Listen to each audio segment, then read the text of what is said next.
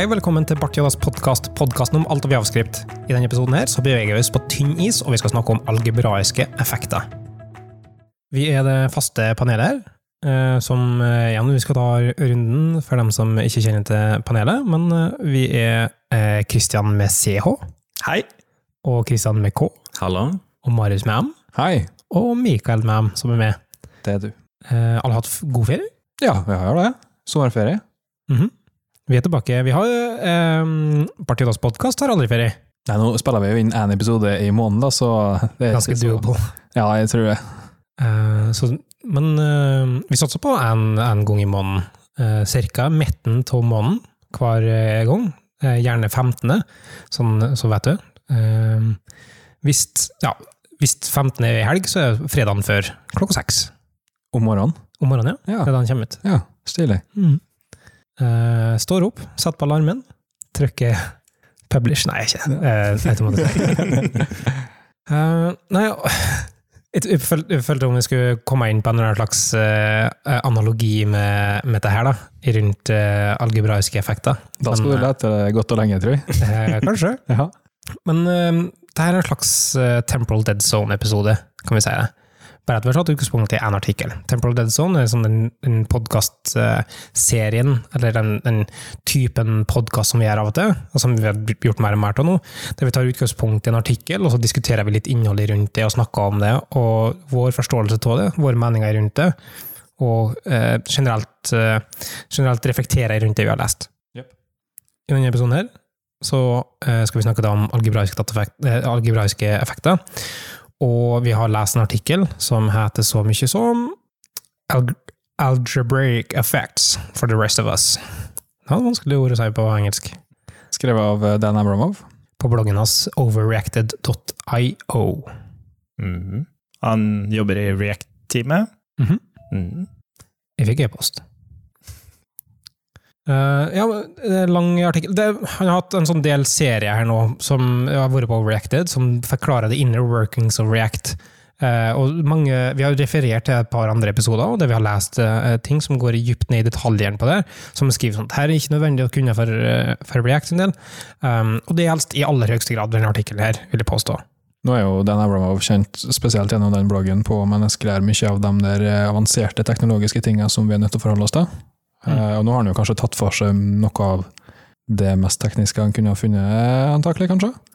Med mindre det er monader eller lignende, men det er jo ikke det her. Nei. Være litt i familie med det, Mm. faktisk. Mm. Sånn kategori... eh, Teori? Kategoriteori, er det det det heter? Category theory, ja. Mm. Snakker Men- om tynn is. Ja. Nei, altså, eh, men la oss ta det først, da.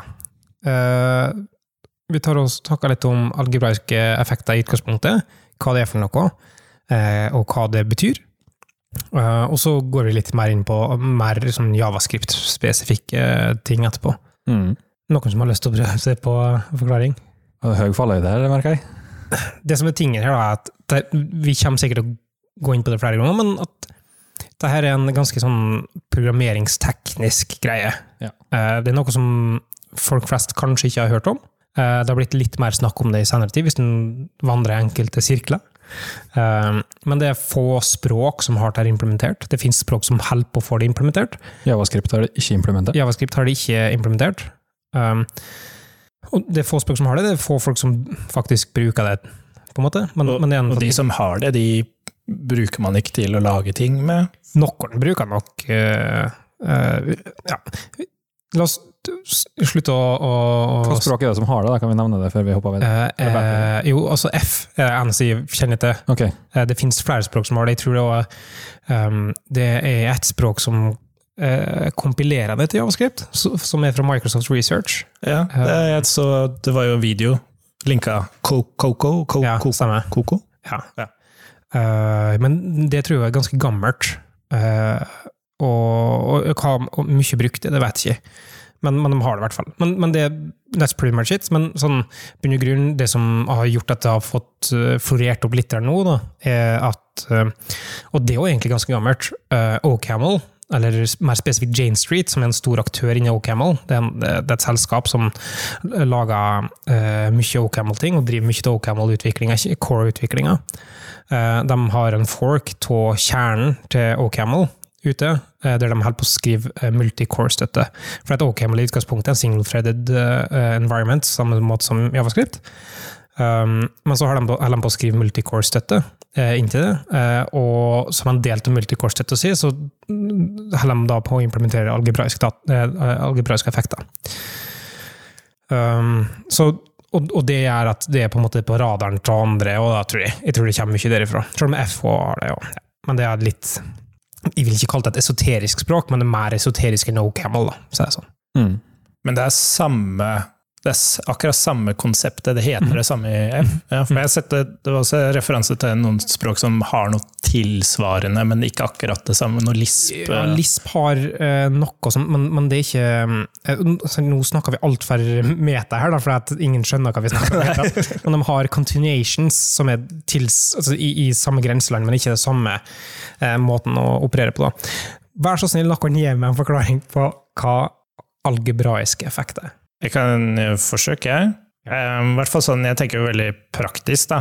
Eh, og det er det at du eh, skal kunne utføre sideeffekter i koden din eh, uten å eh, på en måte direkte bruke de. Altså du, du sier at ok, her vil jeg gjøre et eller annet, og så kastes det opp i koden din, og så et eller annet sted eh, i callstacken din, så er det et sted der noe kan håndtere det, og den tar tak i det, og enten synkront eller asynkront utfører den, og så kaster den uh, tilbake der du, du ba om det. Har noen hørt om øh, en, en spesiell måte å forklare ting på som blir omtalt som handwavy? For det var akkurat det som skjedde i stor grad. Bokstavelig talt. Handwavy. ikke bare var det på en måte, altså Jeg kan skjønne at det er vanskelig å sette seg inn i da, og høre på det her, men det var også bokstavelig talt handwavy. Det var som det var um, lightstick-party på, på rommet. ja, men det er sånn, da sitter jeg ved middagsbordet hjemme, liksom. Derfor har jeg ikke noe å si. Vi kan jo gjerne ta eksempelet som eh, Dan har brukt i, i bloggposten sin. Jeg tror det er en fordel å konkretisere det litt, for det er et avansert programmering, eh, teknisk, eh, teoretisk eh, tema. Så jeg tror vi òg kan ta et par ta forklaringer et par ganger til. Da. Ja, for mye av det du snakker om her nå, er jo, ligner jo mye på try catch, egentlig. Eh, Jeg syns du hadde bra innsats som prøvde å forklare det uten å bruke Jeg prøvde å bruke mine egne ord. Ja, jeg syns du var flink. Kjempebra. Uh, og det fungerer jo på samme måte som du forklarer. Altså, du throwa en error, og så bare bobler det opp til nærmeste catch, og så blir den fanga, og så reagerer du deretter. Men der stoppa det jo, da. Det, du kan jo ikke fortsette kjøring etter det. Men det er jo noe av det algebraiske effekter skal kunne håndtere. da. Uh, At i stedet for å bli catcha og stopper, så kan du håndtere det som en sideeffekt i stedet. Mm. En ting det, det kan gjøre, er at du øh, kan kaste tilbake igjen. Altså du kan øh, få en ting kastet tilbake nei, til det, og så kan du returnere tilbake til en tilstand igjen. Uh, sånn syntaksmessig kan det nesten ligne litt på en yield i en, en generator, der du yielder noe, og så øhm, kan du få returnert tilbake til å starte der igjen uh, i, i, i stacken din. Da. Og sånn de implementerte async await før async await var innebygd i språket før. sant? Så eh, da brukte de generators til å hacke til det, og det er som, som for eksempel eh, Sagas er implementert på, uh, med å bruke altså Redux-saga, da. Eh, Med å bruke generators til å oppnå liksom den der continuation-modellen på en vis. Um, for alle dem som ikke kan generators nå, så skjønner de ingenting. Nei, men i utgangspunktet så er det en, en språkfeature for å få til lazy data. Da. Mm. Så du kan ha uendelige lister, for at du genererer opp uh, innhold etter hvert, og så sier du uh, du fyller ikke opp hele du fyller ikke opp hele iteratoren din i minnet, men du kan generere dem med å si eh, I praksis så er det en sånn, sånn konstruksjon som sier eh, Er du ferdig? Hvis ikke, neste. Eh, og så genererer den den verdien neste jo. Det samme som for dem som er kjent med C-sharp, så er det innumerables, som er tilsvarende konstruksjoner. Eh, og det finnes mange eksempler på dem i, i andre språk også, som vi ikke kommer på akkurat nå. Python. Ja, de har generators direkte, som kaller det. Sant?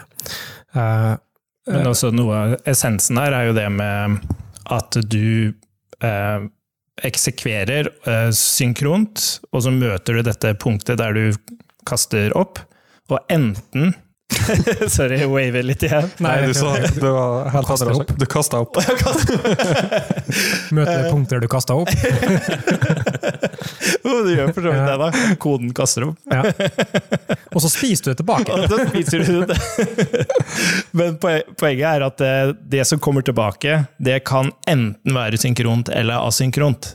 Så er det synkront, så fortsetter koden synkront også. Er det asynkront, så pauser den, og så venter den til svaret er der.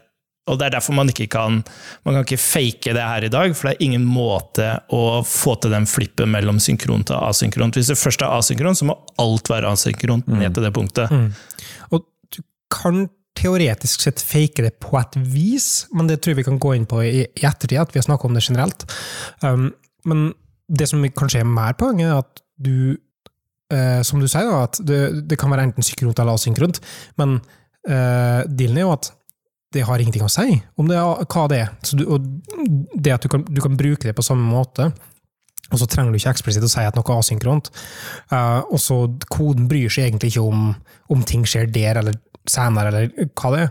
Um, så um, du kan bruke det på samme måte asynkront som synkront, og så får konsumenten av det, den som uh, sier uh, 'her er en effekt', altså den, den som produserer effekten, ikke de som håndterer dem. Eh, For deres del så bare bruker du det eh, nedover, sekvensielt, eh, prosedyrisk, da. Man kan kanskje si at i dag så bruker vi jo await, og vi bruker det jo eksplisitt, men da uansett om det som skjer bak på en måte skjer synkront, så blir det asynkront, mens her sånn så har du på en måte ingenting, fordi det er et promise som ligger bak der. Eh, mens her sånn så har du på en måte ikke noe await, da. det er som du sier, det bare Ok, det fortsetter hvis du fortsetter, eller så venter det hvis du trenger å vente. Men som, for den som konsumerer det, så er det ett fett, da. Så sånn i praksis så eh, kan du se for deg at du har en kode som går nedover, og så sier den plutselig her har jeg en effekt. Den effekten har eh, en eller annen konstruksjon, altså den har navn på noen måte. Og så sier jeg bare den effekten her må håndteres. Og så går det videre. Og så jeg antar at den eh, er håndtert, gir den til et resultat, går nedover i koden, så er det her er en annen effekt. Kast vekk den. Altså her noen håndterer. Eh, samme måte som du gjør throw eh, new exception eller throw new error, som sier bare her noen andre ta hånd om det her. Så vet du at når du bruker den, så eh, må jeg håndtere den feilmeldinga, eller bare la den boble opp. Um, I Javascript så har du nå ingen typer, som gjør at du kan ikke spesifisere at her er de effektene som andre ting har. Så må du eventuelt, hvordan du skulle implementert det, da, ville blitt sånn som en exception i utgangspunktet. Eh, I Promise så får du opp noe runtime errors med unhandled exception. Eh, jeg antar det ville blitt noe tilsvarende. Um, Jeg kom på en annen fin analogi for det her, og det er providers i React. For providers i React det er wrappere rundt komponentene dine som eksponerer funksjonalitet som du kan bruke hvor som helst i komponenttreet ditt. ja, da snakker vi om i kontekst. Sett. Ja, kontekst, ja. Mm. Eh, og det, man kan sammenligne det litt med det her også. Eh, kan man legge effektene på utsida av appen, eller uansett hvilket nivå i appen din. Og så kan du, hvilken som helst funksjon som er barn av dette, vil kunne bruke den effekten, da. Hvis de definerer at de skal bruke den. Litt sånn som man sier at nå skal jeg bruke kontekst. Mm, øh, mm, samtidig så er det i motsatt rekkefølge, da.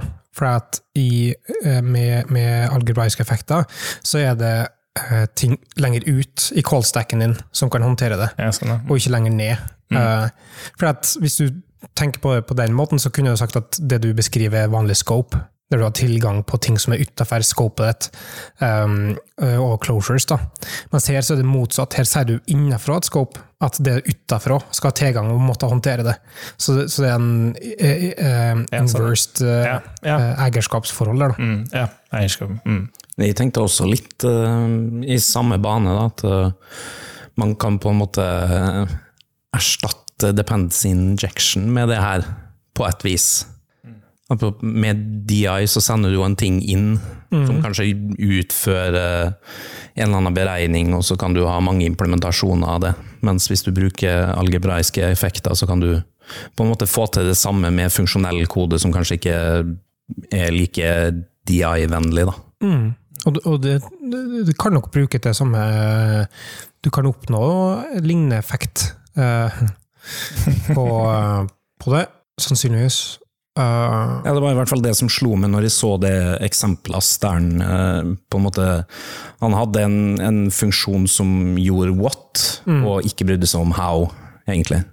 Og how, det var bare en gjeng med sånne her algebraiske effekter. mm. Effekter som måtte håndtere, ja. Ja, For å logge eller for å utføre den jobben den metoden egentlig skulle gjøre. Da. Mm. Ja, for det hele poenget er å håndtere eh, bivirkninger. Det er å håndtere ting som skjer utafor, men fortsatt i en ren måte. Um, og en annen fordel med, med det ville nå kunne vært i, i sånn DI-settinga, det at du slipper å mokke ut store objekt for å uh, gjøre noe. Da. Du kan egentlig bare voide dem. Uh, bare ah, ok, vi tar imot det her, og så gjør vi ingenting med det. Um, Som kan være interessant. Og hadde også et eksempel på testing, hadde den ikke det, eh, inni her. Eh, den eh, eh, gjorde om ting til å bare logge ut noe, og så validerte at loggen var den samme hver gang, eh, for eksempel. Mm. Så er, er, og for så vidt interessant. Men, men sier det noe om default-implementasjon? Altså hvis du skal på en måte catche Mm. den tingen, så må du jo på en måte vite hva du skal catche. Men hvis du ikke bryr deg om det, da, hvis du bare vil ha default-implementasjon, må du ha på en måte den default-implementasjonen inni Ja, jeg Koden tror du må på en måte lytte på Jeg tror du må handle en effekt, og så eh, eh, håndtere den på en måte, med en no-op eller en identity eller et eller annet sånt. Der. Eh, men igjen med at Sånn som jeg ser for meg nå, da, hvis det skulle vært altså for nå, nå er vi på hypotetiske planer, der vi snakker om at uh, algebraiske effekter er i språket javascript. Eh, og siden det ikke er typesikkert, så klarer du ikke å ha en sånn uh, non-exhaustive uh, håndtering av alle effektene. Du kan ikke garantere at du må håndtere alle uh, effekter. Så derfor kan du nok la dem boble opp. Vi er helt ute ytterskopet og ikke implementere dem. Mm. Men jeg antar at det vil, føre til, vil ha ført til en eller slags runtime exception. Ja. Eh, runtime error. Eh, men la meg spørre om det her, da. Hvorfor er dette her i det hele tatt interessant, eller eh, er dette her, er dette her er det tatt interessant annet enn på et teoretisk plan? Jeg lurer videre litt på hvorfor det er implementert i så få språk, egentlig. Er det fordi at det er for uh, i hermetegn nytt, eller altså uvandra territorium, eller eh, altså, forstår vi det ikke helt ennå? Liksom, eller har vi ikke bruk for det? Mange spørsmål på en gang her, da. Jeg titta litt, jeg fikk ikke sett hele den videoen, men det har med kompleksitet å gjøre, i hvert fall. I compileren og sånn. Hvordan de skal få dette til å fungere med all den andre funksjonaliteten og sånn. Det er i hvert fall én ting, uten at jeg vet noe som helst mer enn akkurat det. Um, men ja, så det, det er derfor også eh, selv om det har blitt implementert Jeg husker det faktisk nå, dette Coco til Microsoft, at det, det er ikke produksjonsklart, for det er på en måte ikke um, Ja, man har ikke helt funnet ut hvordan man skal få det til å fungere. Da. Så, Det er ikke produksjonsklart i det hele tatt. Men altså, jeg har hørt om det for lenge, lenge siden. Altså, jeg har eksistert i mange år. Det er, det er en presentasjon hos uh, de her Zeit-folka, og det var nå i år. Og da sto han som har laga språket, han sa det ikke brukt i produksjon. sa han. De som har uh, den uh, AVS-abstraksjonen uh, Ja, NextJS og Now og Ja, Now er kanskje mest uh, Ja, NextJS er ganske stor, da. Eller ST, faktisk òg. Nei, unnskyld, det er Isaac Schultz, men uh, den heter Serve. heter den. De har en uh, statisk side En statisk HTML-hoster. Bruker de algebraiske effekter? nei, nei, det er bare fra Site. Ja. De gjør mye. Ja, de gjør mye. De har til og med terminal. eh, ja, hi, eh, Hyper. Hyper. Mm. Så ga de vekk eh, egne tastatur på en hackathon nettopp. Dette er den største digresjonen jeg noen gang har ikke vært en del av. Kule tastatur. Jeg skjønner. Dyre. Ja, de er flinke. De er. Hvorfor har det et så fremmedgjørende navn? Algebraiske effekter. Eller hva betyr det? Altså, hva, hva Hvorfor heter det det? Um, det er sannsynligvis fordi at du har um, Og nå er vi på enda tynnere is enn vi noen gang har vært. Skal vi bryte isen snart, da? uh, sannsynligvis. Ja. Um, uh, men du har i, i sånne språk så har du noen algebraiske datatyper, heter det. da. Mm. Og det er, er typer som har som har eh, komponerbare typer som du kan annotere eh, på og iterere over i ettertid. Altså det er varianter, eh, som, som det da heter da. Eller union types, hvis en kjenner til det. Og, og samme måte er det i effekter. da. Du har en slags algebraisk datatype, bare at den har en uh, kjøretid på tvers av tid. og, så, og, og, og så knyttes det opp til, mot eh, bivirkninger, som er da effekter, som du sier. Eh, Så jeg tipper at det bare er rett ifra der, da. For at når du håndterer dette, her, så håndterer du det på en måte sånn som du ville håndtert en algebraisk datatype. Du har en pattern matching som sitter på konsumentsida, som matcher opp mot de typene som er. Og så sier jeg ok, nå har vi den effekten her, eller den typen her, håndterer den på den måten. Og har vi den typen her, håndterer den på den måten, videre. Mm. Uh, så jeg antar at det er bare for at det er samme domene, da. Altså, det som også er interessant, er at det, er et sånn grunnleggende, grunnleggende element. Da, så du kan faktisk bygge alle disse tingene vi snakker om nå, sånn try, catch og async await og sånne ting. Det kan du bygge med algebraiske effekter. Så hvis du bare har algebraiske effekter i språket, så kan alle disse tingene som vi tenker på som en del av javascript, kan faktisk bygges. da. Mm. For trycatch er bare et subsett av algebraisk eh, effekt, på en måte. Um, det er bare at du ikke har continuation, eller du har ikke resuminga av feilhåndteringa. Men der alene er det et interessant konsept. da, for at uh, Snakk om å bygge resilient, uh, resilient koder, resilient prosjekter. sant? Du har um, Nå så er det sånn at uh, en eller annen ting kaster en feilmelding, og så må du da si da må vi håndtere den feilmeldinga. Og den håndterer vi med å si nei, vi kan ikke vise den informasjonen her nå, eller øh, øh, kanskje du kan lage det med en sånn rekursivitet på en måte for å bygge opp den strukturen på nytt igjen, osv. Men her så vil du bare si bla, bla, bla, møter på en feil, ah, shit, noen håndterte her. Og så er det noen som håndterer alle de feilmeldingene, og så bare kan du gå tilbake til tilsvarende plassen du var, og si fortsett herifra med den nye informasjonen som du har. Eh, Og da kan vi begynne å bygge system som er recoverable da, og robust. Mm. Og så er det veldig kraftig verktøy. De, de skaper enorm frihet, som også jeg følte kom opp litt i artikkelen, at det er en litt sånn Ok, er dette egentlig noe man vil ha i språket? Så spesielt i javascript, da, fordi det blir så veldig kraftig. da. Man Du kan så fine, tydelige r-er i javascript. Ja, syns du det? Ja, det var bra. Kom fra Sandfjord. Ja. Der har vi kraftige. Og I OCamel og i multicore-støtta, så eh, og Nå kan jeg ikke huske feil, det begynner å bli en stund siden jeg sitter med, men da, da har du jo eh, algebraiske effekter på tvers av tråder. For de deler en, en shared heap med, med ting eh, som du har eh, delt på toppen, selv om det er individuelle prosesser som kjører sine egne tråder, og sine egne verden av egne domener. Eh, så kan du kommunisere på tvers av dem med algebraiske effekter, eh, tror jeg. men, men da er det en, er en sånn interessant eh, concurrency-modell i tillegg, da. Mm. Og så er det For du, du fikk det litt til å høres ut som at OCaml måtte ha algebraiske effekter for å få til multicore, men Nei, jeg, jeg tror ikke jeg må ha algebraiske effekter, men algebraiske effekter er noe som kommer til å støtte opp under multicore på en bedre måte, da, tror jeg. Um, men ja. Uh, og det som er litt interessant der, da, er at uh, ordlyden for folk som er kjent med React, kan være litt eh, gjenkjennbar. For at en sånn type eh, heap som, som tar vare på den eh, informasjonen som vi snakker om, for å dele, eh, dele informasjon i en eh, effekt. Eh, det er en, det er en stack som håndteres som et scope, egentlig, reimplementert. Og det kalles en, en fiber, en fiber. Uh, og igjen, det kan være kjent uttrykk, kjent navn, for at uh, det var lenge vært snakk om noe som heter React Fibers. som har vært kodenavn eller en sånn navn på en implementering de har holdt på med i React. Uh, som er at de skaper sine egne um, stacks og, og heaps, eller scopes, for hver forskjellige deler i det. Og det algebraiske effekter da gjør, at de, de legger inn sin invokasjonsinformasjon i den stacken, og så er det da alle sånne effekter er bare én-til-én-kall. De er um, du kan bare, Samme som, samme som en await, for eksempel. Du kan bare lytte på en await én gang. Nei, det kan du strengt tatt ikke, du kan jo ta den flere ganger. Det lyver Men det første gangen uh, altså En callback den kan du kalle mange ganger og få samme informasjon på, mens en ting kan bare resolve en gang. sant? Mm.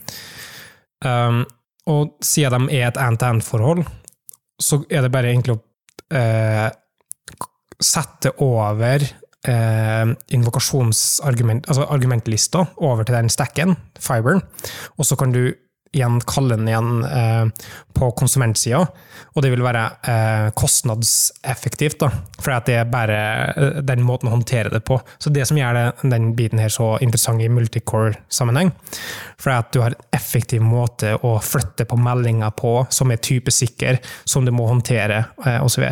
Og det er inspirasjonen liksom, React har kommet med. da det å få til den biten der. Så hver en sånn effekt skaper sin egen tråd, eller sin egen fiber. Og det at hun får det fint mentalt bilde, for at en, en fiber i en tråd. sant? Mm. Uh, og det er òg ting som da suspens kommer inn. Så jeg tenker vi kan knytte litt inn mot det konkrete utviklingsbildet til React. Mm. Uh, er det noen som har kjennskap til suspens? Ja, litt. Jeg kan prøve å forklare min forståelse. Og suspens går på det med eh, datahenting, eh, komponenter, eh, og loading og sånne ting.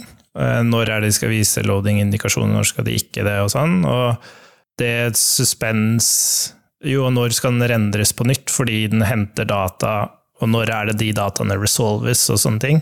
Så sånn jeg forstår det, er at suspens den eh, kan potensielt hente data, eh, og så, uh, hvis den trenger å gjøre det, så kaster de opp.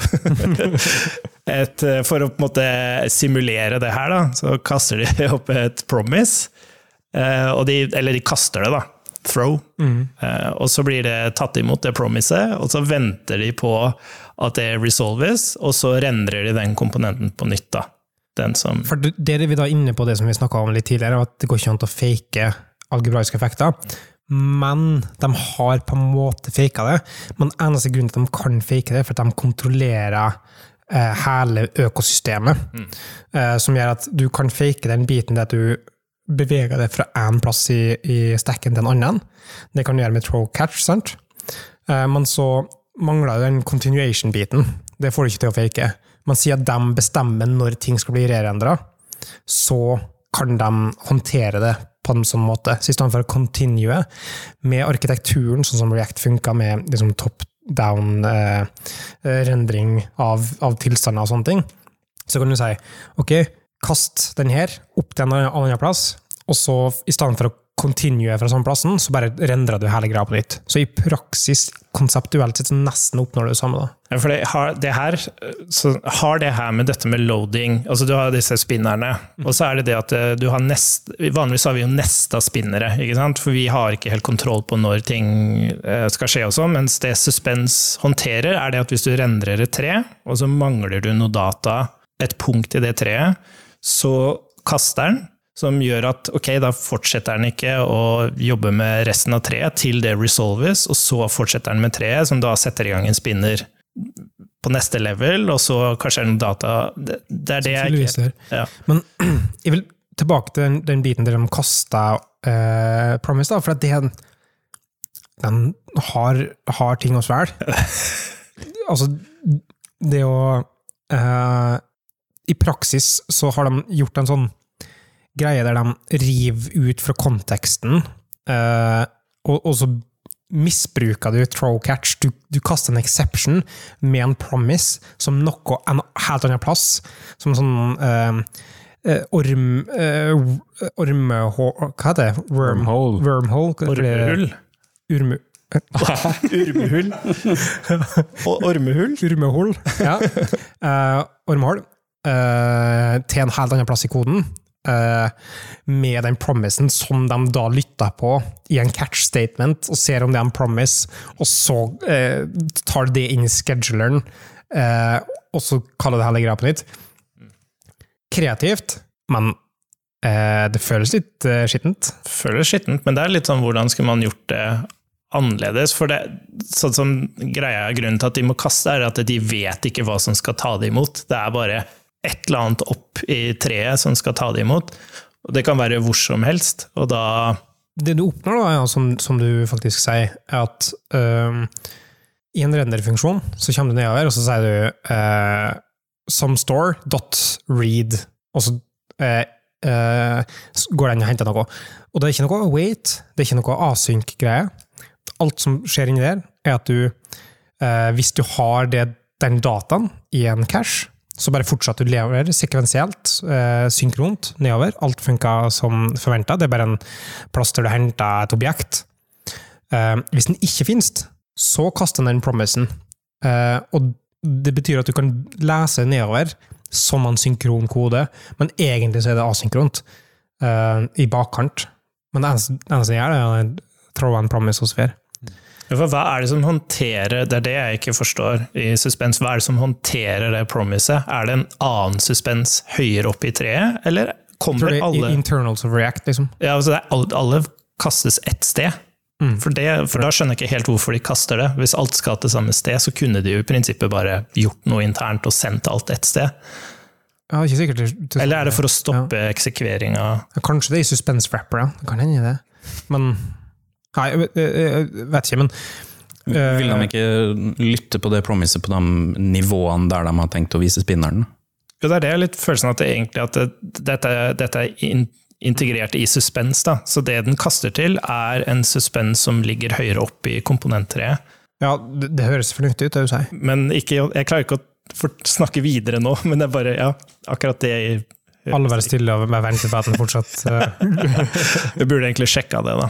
For det er jo veldig interessant. Ja, det får være en oppgave til lytteren. Men det, det som gjør det ekstra interessant, er at det er så utrolig dypt akademisk programmering, og det de prøver å løse, er brukeropplevelse. Det er jo derfor de gjør disse tinga, og det er ganske fascinerende arbeidet de gjør hos i React, da, at du har disse menneskene som har så dyp kunnskap om disse tinga, men det de faktisk jobber for, er brukeropplevelse. Og det er ganske lang vei vanligvis. da. At Det er favorittsvensken min, eller Ja. ikke favorittsvensken eh, Etter Gunde Svan, så er det favorittsvensken min, da. Mm. Eh, nå, etter Gunde Svan, og så han som spilte i, i Fredrikssons Fabrikk. ja, Han er kanskje nummer to. Mm. Og så kommer Sebastian Merkbage, da. Men uh, jeg tror jeg har snakka om ham flere ganger òg. Men det han det her kommer fra, da, som, som er den store arkitekturpersonen i React, som eh, tar alle sånne akademiske tilnærminger av det. Alt det med Fibers, at det er tatt fra OCaml. Eh, og Facebook har blitt ganske stor innen OCaml. Uh, og sånn som eh, Jordan Walk, som i utgangspunktet lagde React, eh, har òg en stor tilknytning til OCaml og, og sånne ting. Eh, og har i senere tid laga Reason, som er basert på Camel.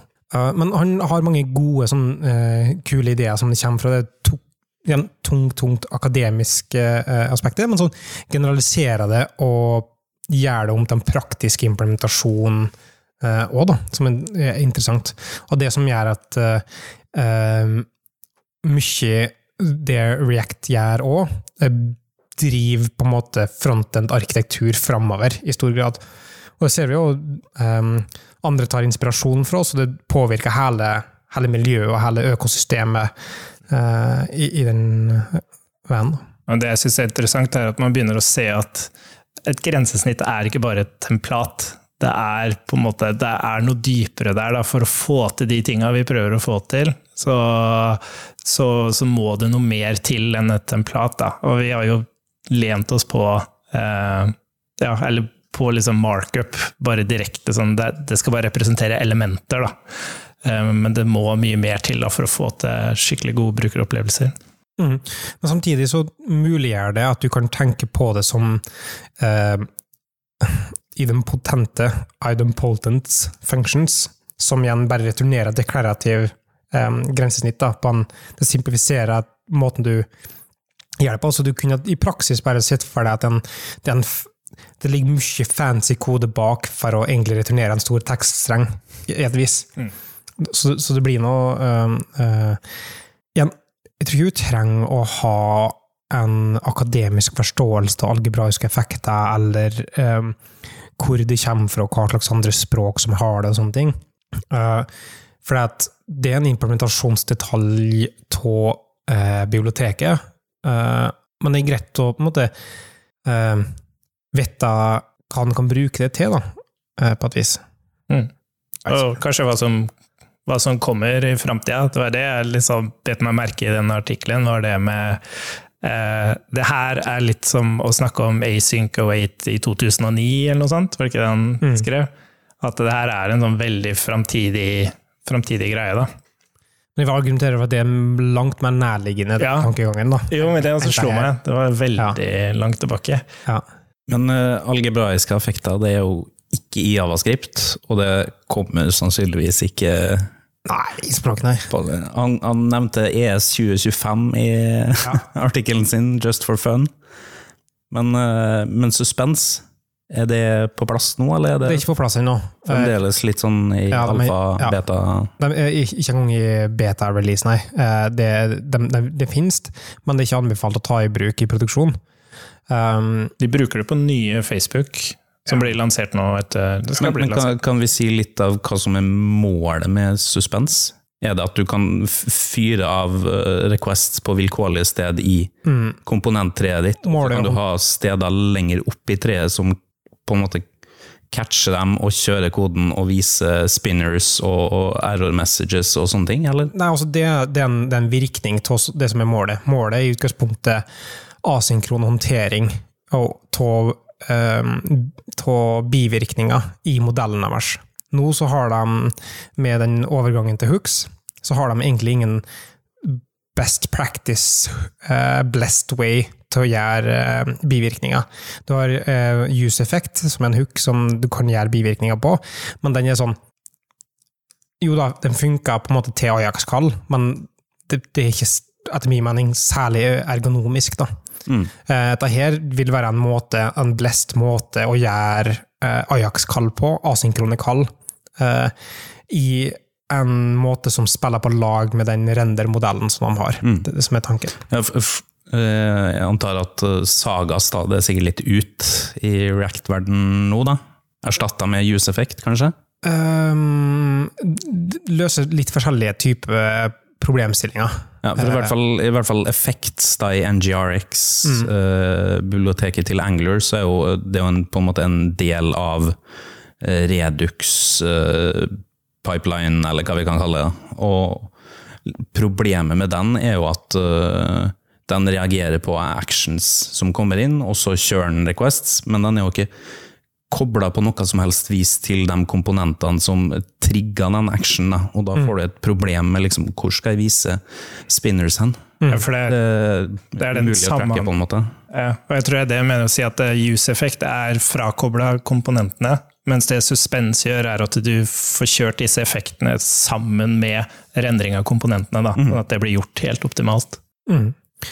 Um, det er interessant å se når det kommer. Uh, for min del så virker det som det uh, foreløpig er et hull i, i hooks med React, og det er en god, uh, ordentlig robust og, og enkel måte å håndtere Ajax-kall på. Det går an via use effects, men, men det er litt slitsomt å gjøre det rett. Um, og dette kan være framtida for det, via suspens, som da baserer seg på algebraiske effekter. Som er også interessant. eh, Det finnes mye sånn um, white papers og akademiske papers på hva som er, for dem som har lyst til å fordype seg i det. Har, har, vi, har vi troa på at algebraiske effekter kan ha noe for seg i javascript-språket, da? Eller, eller for Tror- meg så virker det litt sånn, sånn øh, fjernt, eller det blir litt komplekst å ha det i et språk som ikke har typer, for du kan liksom ikke Mm.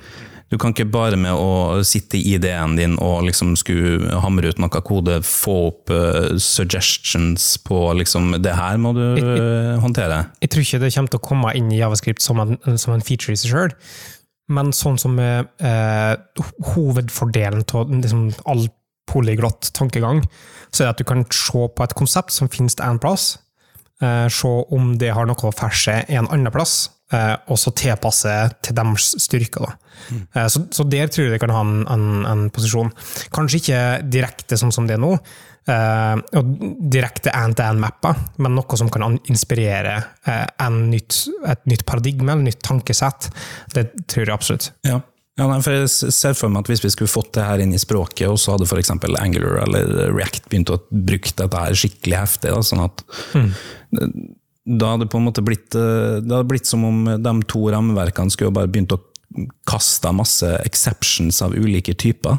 Du må liksom lese gjennom hele manualen, eller lese koden til React og Angler for å liksom finne ut ja, hvilke exceptions er det den her kan kaste. Eller hvilke effects er det den tingen her kan throw eller race, eller hva vi kaller, kaller det innenfor algebraiske effekter. Og det, det, tror jeg bare vil øke kompleksiteten i språket og gjøre det mer uforståelig for folk. Da. Ja, det kan fort uh, skje. Uh med mindre de løser på en annen måte som spiller mer på språkets styrke. Mm. Det er jo vanskelig å si. Um, det som ikke er vanskelig å si, er at vi har kommet til denne episoden her slutt. Det var ikke vanskelig å si, syns du? Det var jo en så flott diskusjon der, eller samtale. Ja. Eh, og så var det litt vanskelig å formulere setninger mens de tenkte på noe. Så det var faktisk Men det syns jeg er en ting folk kan ta med seg fra det her, som man kan bruke direkte i sin egen kode, og det er det her med hva og hvordan når man leser sin egen kode, separerer man hva og hvordan. Det er ganske interessant, for det er en sånn grunnleggende ting som jeg mener er sånn kan, man kan si om bra eller dårlig kode. da. Da um, anbefaler jeg å, å, høre på en episode av Bartiolas podkast som handler om deklarativ versus imperativ programmering. Var ikke det en ting vi hadde? Jeg, jeg, tror vi har snakka om det tidligere, ja. Det, da må du langt tilbake i episoderegisteret. Ja, det var en, eh, en tidligere episode der Christian Alfoni var og snakka om etter det, var ikke? For han hadde en presentasjon. Jeg mistenker at det var kanskje Mr. Alfoni som var med på den, ja. Men er ikke, er ikke det viktigste å lære fra denne talken her egentlig throw promise? Ja. Throw. uh, uh, det viktigste er at du kan uh, enkelt med throw catch reimplementere go to statements, ja. på en måte. Ja. Så, så, gjør det. Ja, jeg ser for meg at det blir masse bra kode framover nå. Hvis noen har lyst til å sende eksempel på gode throw-kall på Twitter, så kan de kontakte deg, Christian med K. På at Larifax. Kan du stave?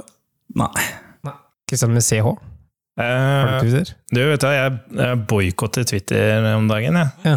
Hvordan kan vi kontakte via Instagram, da? Uh, nei. Uh, Brevpost. Ja, det må nesten bli e-post eller Bart JDs eh, Slacken, da. Det er det rette svaret. uh, og den finner du hvor? Uh, Slack.com bartjoddes.io. Hey, stemmer 100 Ikke verst. Marius, hvis noen har spørsmål om podkastproduksjon, eller hvor du kan kjøpe nye gensere hen, hvor kan de kontakte den? Da kan de kontakte meg på Twitter på attkrakels, og hvis de har lyst til å høre episoden om deklarativ programmering, så kan de sjekke ut episode 23. Her har noen google. Kanskje. Eh, vi kan du kontakte på at Mikael Breivik, eller så er jeg faktisk nå på at underscore bartjodas. Eh, da gjenstår det egentlig å si jeg har glemt hvordan vi har flyttet der. Har du det? Ja. du pleier å si takk for at du hørte på. Ja, ok. Da gjenstår det egentlig bare å si takk for at du hørte på. Så høres vi i neste episode.